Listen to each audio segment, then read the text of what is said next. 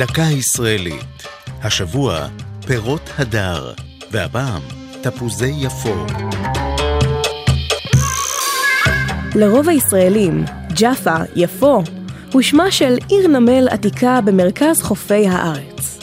אך אם תשאלו את תושבי אירופה, רבים מהם ישיבו שמדובר בכלל בתפוז. את הזן המדובר גילה ופיתח באמצע המאה ה-19 בארץ ישראל הפרדסן הערבי אנטון איוב. היה זה סוג חדש של תפוח זהב, אליפטי ונטול זרעים, שהתקלף קל יותר מאחרים.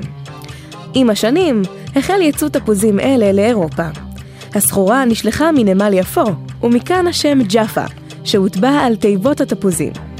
בעקבות ההצלחה החלו לשווק בעולם את כל סוגי פירות ההדר הישראליים, ולא רק את התפוזים, בשם הקליט המוטבע על המדבקה הירוקה והמוכרת.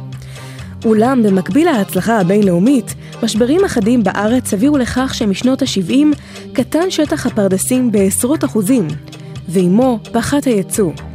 כתוצאה מכך נמסרה הזכות לרשת מרכולים אנגלית להשתמש במותג ולשווק בשמות תפוזים ופירות הדר נוספים.